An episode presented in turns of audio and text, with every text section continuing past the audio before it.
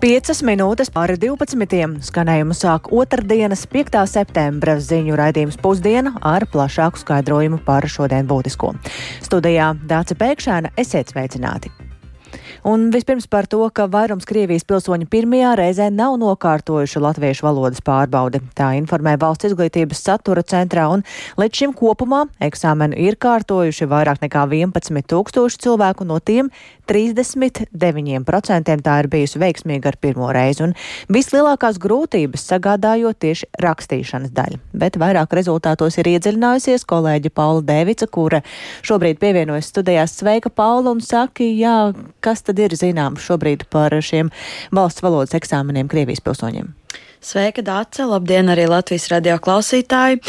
Tātad kopumā valsts valodas pārbaudē līdz šim reģistrējušies vairāk nekā 13 tūkstoši Krievijas pilsoņu, taču 14% uz šo pārbaudu dažādu iemeslu dēļ uh, neieradās. Līdz ar to kopumā eksāmenu kārtoja 11 300 cilvēki no kopumā tātad vairāk nekā 25 tūkstošiem šo te Krievijas pilsoņu. Un, uh, jā, kā jau minēja, vairums šo pārbaudu ar pirmo reizi nenokārt sakārtots ir 61%, bet izskatās, ka visi lielākā daļa noteikti ir gatava kārtot to atkal, jo 6,5 tūkstoši ir pieteikušies atkārtotai pārbaudai, un kā stāstīja valsts izglītības satura centrā, lielākoties iemesls, kāpēc vajadzīgi atkārtot pārbaudi, ir, jo šie cilvēki joprojām iet valodas kursos un apgūst šo tā valodu A2 līmenī, kas tā tad ir tāds pamat līmenis, lai saprastu un varētu pateikt vienkārši teikums un izveidot vienkāršu sarunu.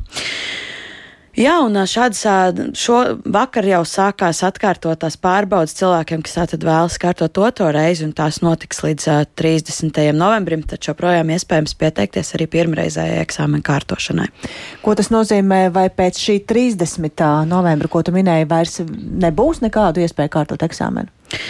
Nē, jo tiesības kārtot šādu valodas pārbaudi ir trešo valstu pilsoņiem, jebkurā laikā, taču saistībā ar šo te prasību iegūt tieši Krievijas pilsoņiem A2 līmeni. Um, tika izveidot šāda paralēlā rinda, lai nekavētu šo regulāro procesu, kur arī daudz citu valstu pilsoņi iegūst uh, šīs valodas uh, apliecinājumus, piemēram, Ukraiņas civiliedzīvotāji. Un jā, tā Latvijas radio šodien skaidroja valsts izglītības satura centra vadītāja Liena Voroņenko. Viņa arī skaidro, ka valsts valodas pamata apguve ir tikai sākums, un uh, galvenais šobrīd ir jādomā, kā nodrošināt turpmāk vidi, kurā valodu var arī pielietot īpaši pilsētās, kur ir liela liels šo krievalodīgo īpatsvars. Es atgādinu, ka Krievijas federācijas pilsoņi nebūtu nav vienīgā grupa, kuras skar šīs pārmaiņas, tātad arī pārēja uz mācībām valsts valodā.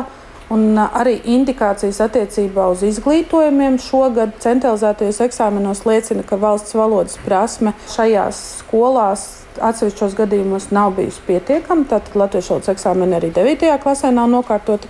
Un jo vairāk mēs kā sabiedrība praktizēsim un runāsim latviešu valodā, jo droši vien ilgspējīgāka būs šī patiešām būtiskā iniciatīva, kas ir veikta attiecībā uz latviešu valodas lietojumu sabiedrībā.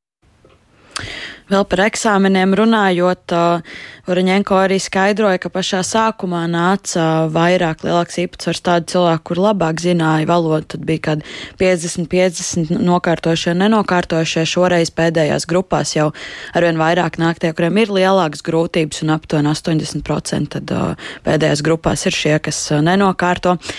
Un vēl svarīgi šodien saimā lemj par to, kā tad rīkoties ar valdības ieceri dot Krieviju Krievijas um, pilsoņiem vēl divus gadus valodas apguvēja, un tas tātad pārēdz šiem pilsoņiem piešķirt termiņu uzturēšanās atļaujas diviem gadiem, kur laikā tad var nokārtot šo te A2 līmeni.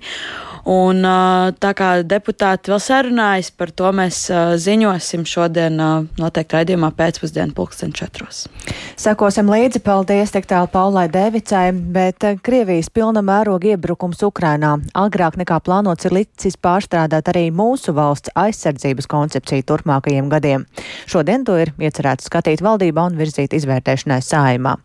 Latvija ir ieplānojusi palielināt bruņotos spēkus un jau nākamgad sagaida NATO kontingentu kontingenta karavīru plašāku klātbūtni Latvijā, un tāpat arī jau nākamgad aizsardzības pasākumu budžetu Latvija plāno palielināt līdz 3% no iekšzemes koprodukta. To šodien atklāja aizsardzības ministre Ināra Mūniec no Nacionālās apvienības.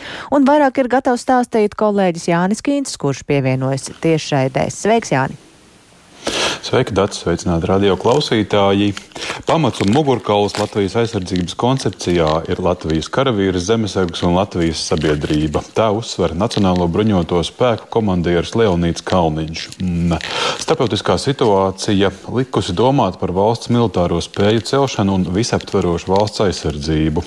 Un šie pasākumi ir prioritāšu lokā gan demisionējušajai valdībai, gan arī topošajam ministru kabinetam. Un tas nozīmē, ka koncepcijā ierakstīto varētu izdoties arī pilnībā realizēt. Tā tad ir plāns palielināt kaujas spējīgu armiju un tās rezervistu skaitu.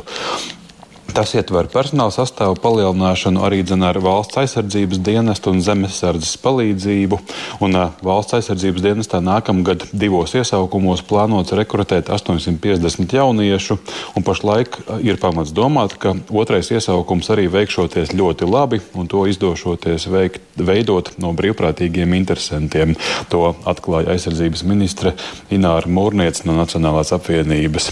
Koncepcijā iekļaut arī būtiska vietējā ķīmiskās industrijas iesaiste armijas apgādē, un aizsardzības ministre pastāstīja, ka valdība jau nākamnedēļ varētu lemt par jaunas kapitāla sabiedrības veidošanu militārās industrijas vajadzību apmierināšanai, lai ar laiku izvērstu tātad pilna cikla munīcijas ražošanu tepat Latvijā, un tas ietver arī jauna tipa bruņu transportieru ražošanu.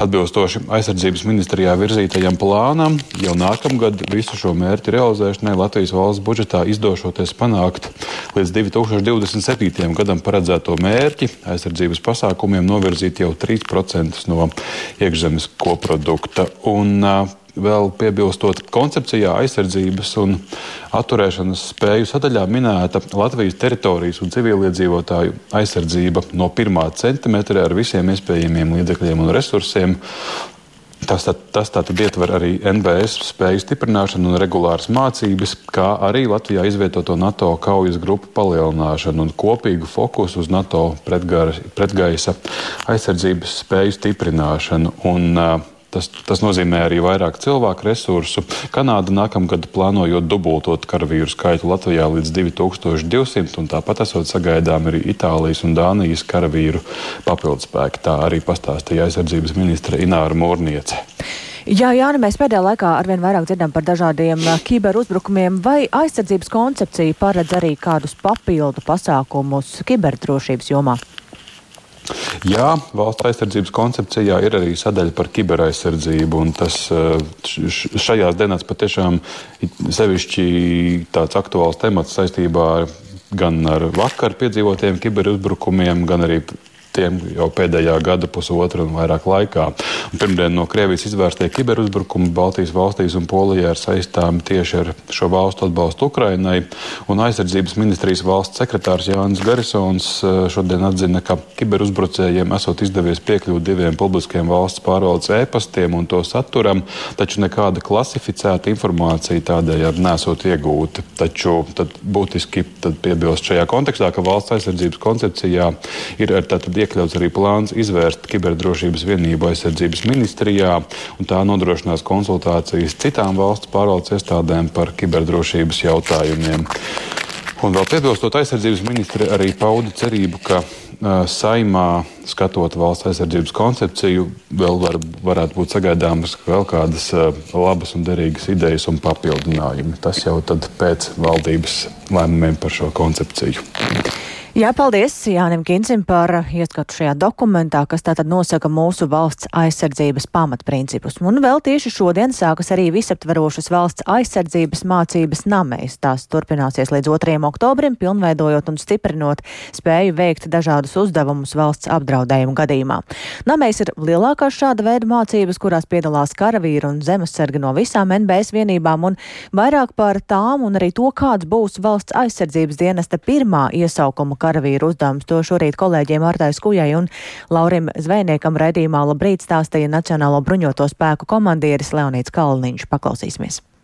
Pirmā iesaukuma karavīri valsts aizsardzības dienas mehanizētās brigādes sastāvā piedalīsies šajā vingrinājumā, izpildīs tos uzdevumus, kas ir deleģēti tieši mehanizētajai brigādē. Kopīgais mācību dalībnieku skaits ir 8500 līdz 8600.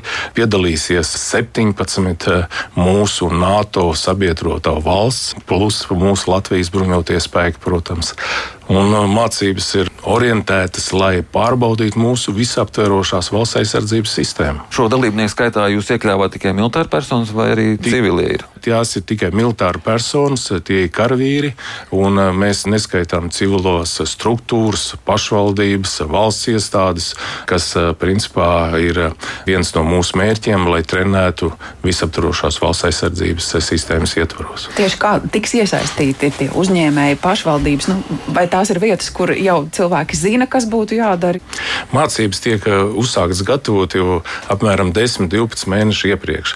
Gan privātas struktūras, gan pašvaldības, gan valsts struktūras īstenībā jau zina mācību scenāriju, zina, kādi pienākumi tieši vingrinājumā, un viņi noteikti ir arī uzstādījuši un noteikuši paši savus mērķus, ko viņi gribētu pārbaudīt un testēt. Un tas noteikti dos tādu lielāku pārskatu, cik lielā mērā mēs esam gatavi. Mācību scenāriju sāka veidot pirms gada.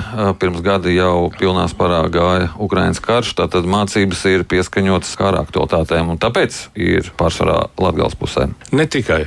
Mēs, principā, valsts aizsardzības plānus testējam tieši šādas liela vingrinājuma ietvaros, un šeit mēs pārbaudām gan mūsu vadības spēju, tātad komandējušās sastāvu spēju, nodrošināt visu uzdevumu izpildi, gan kopējās tādā vienības sastāvā, militārās spējas un katra individuālā karavīra un dalībnieka spējas. Tas ir tas galvenais mērķis. Katrs scenārijs katru gadu ir mainīgs, un principā tas, kad varbūt masmēdījos diezgan lielā mērā izskanēja to, ka Latvijas pusē mums bija vairāki vingrinājumi pirms šīs, tas absolūti nenozīmē, ka pārējās teritorijās netiks nekas vingrināts. Ja mēs paskatīsimies par vingrinājumu gaitu, tad jūs redzēsiet, ka arī kurzemes pusē Rīgā būs ļoti lielas aktivitātes otrajā fāzē.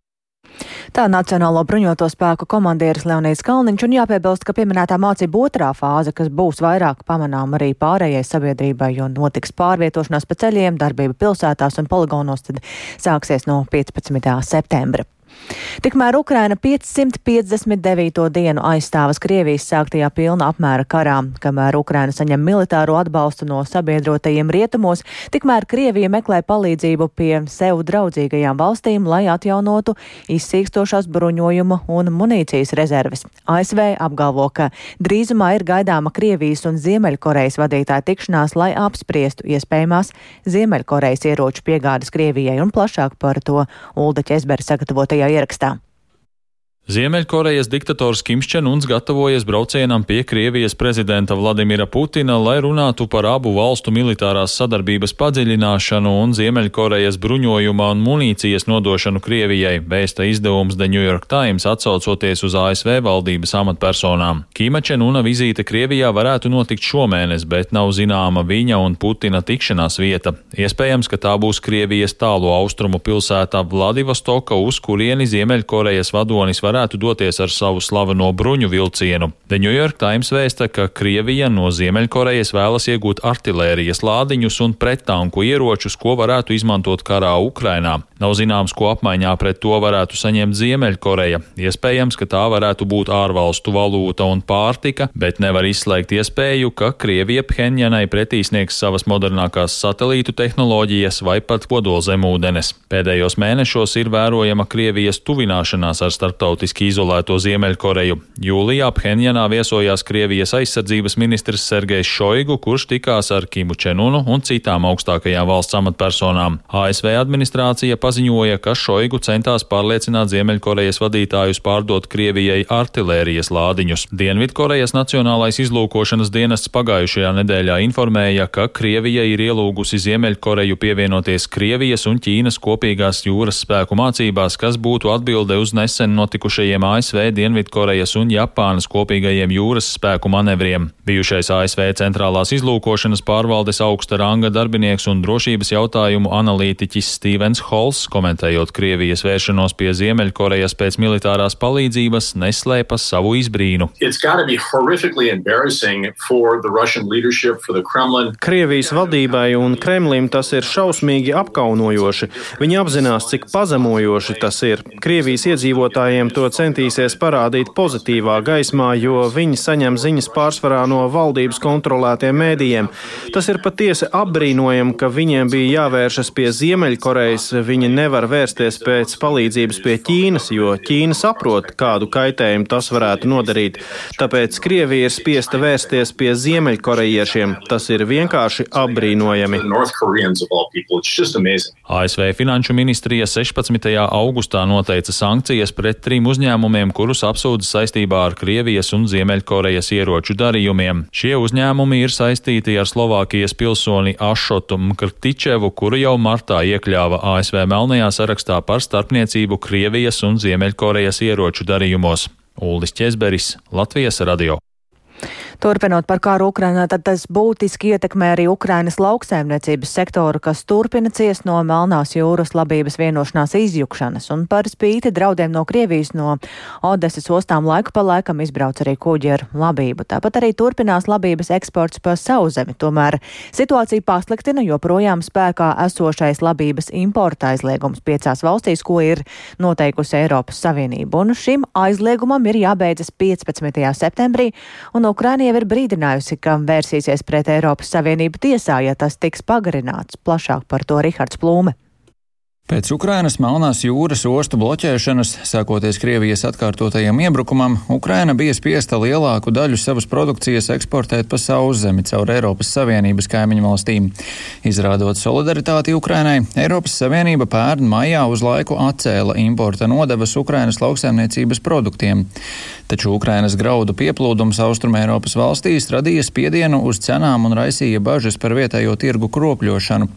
Līdz ar to šogad aprīlī Bulgārija, Ungārija, Polija un Slovākija vienpusēji aizliedza to importu. Ierobežojumi attiecas uz Ukrainas kviešiem, kukurūzu, rapša sēklām un saules puķu sēklām. Pēc tam Brisele panāca vienošanos ar piecām dalībvalstīm, ļaujot tām uz laiku aizliegt četru Ukrainas lauksaimniecības kultūru importu, ja vien netiek kavēts to tranzīts uz citām valstīm. Ukraina jau ilgstoši paudusi neapmierinātību ar aizliegumu. Ukrainas lauksaimniecības ministrs Mikolās Soļskis izteicies, ka šie ierobežojumi ir tas pats, kas iedot Krievijas prezidentam Vladimiram Putinam papildu ieročus cīņai pret Eiropas vienotību. Savukārt Ukrainas prezidents Valdimirs Zelenskis šos pasākumus nosauca par protekcioniskiem un nežēlīgiem. Ierobežojumiem ir pretinieki arī pašā Eiropas Savienībā. Vairākas valstis, tostarp Francija un Vācija, ir paudušas iebildumus pret atšķirīgo attieksmi bloka iekšējā tirgū.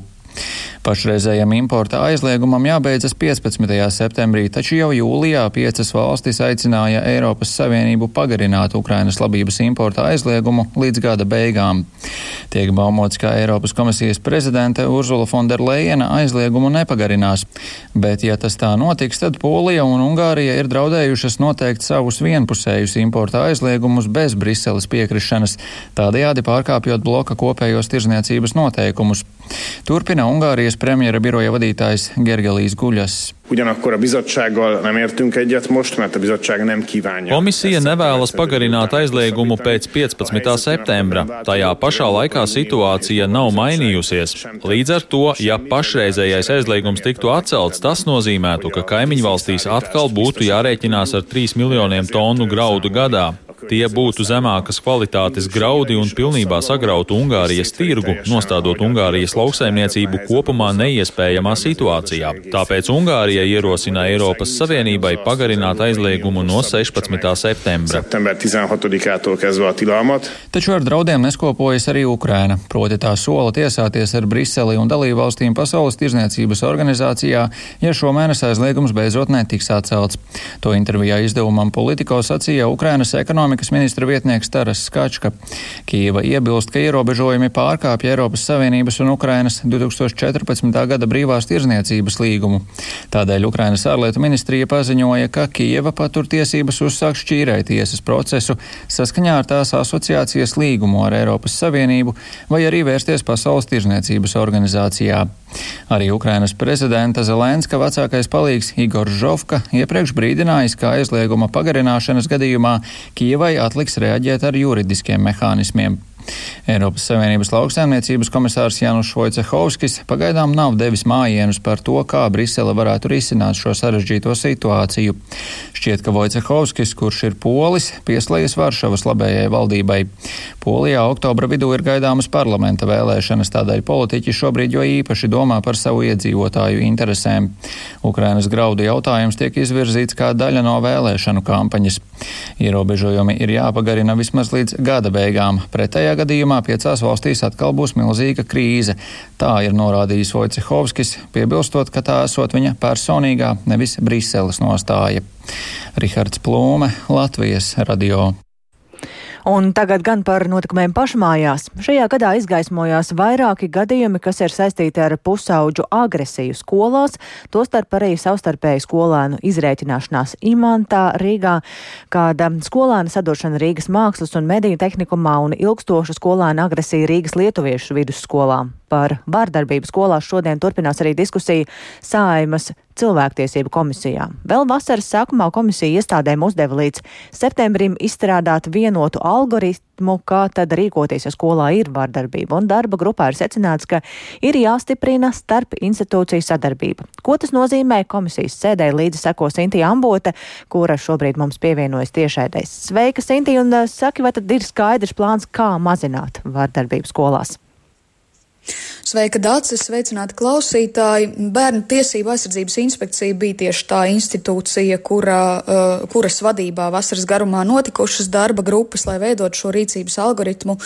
Un, uh, jā, ir izstrādāts uh, trīs līmeņu algoritms, ja tiek konstatētas šīs uzvedības problēmas. Uh, pirmais riska līmenis, eh, kad gadījumi nav smagi un skola pati ar skolotājiem var risināt problēmu, piemēram, skolēns pārkāpjas iekšējās kārtības noteikumus, lieto rupjus vārdus un tam līdzīgi, tad skolai ir jāizdara mutiski aizrādījumi, jāinformē vecākus, eh, jāprasa paskaidrojumi, jāiesaist skolas psihologu, sociālo pedagogu un principā nu, jāveic tādu darbu ar bērnu caur sarunu un tieši izglītības iestādes vidē. Uh, otrajā riska līmenī, ja novēro skolā apdraudējumu iespēju, bet nav tūlītē riska dzīvībai, uh, kā tas ir šajā lietuviešu vidusskolas gadījumā bijis, ka skolēns mutiski draud ar vardarbību vai nu, vardarbīgu tādu izreikināšanos, tad ir jāiesaist arī ārējie resursi. Vispirms uh, skolotājiem jāinformē skolas vadība un šo agresīvo skolēnu tajā dienā var lemt izglītot atsevišķā telpā un paralēli kopā ar psihologu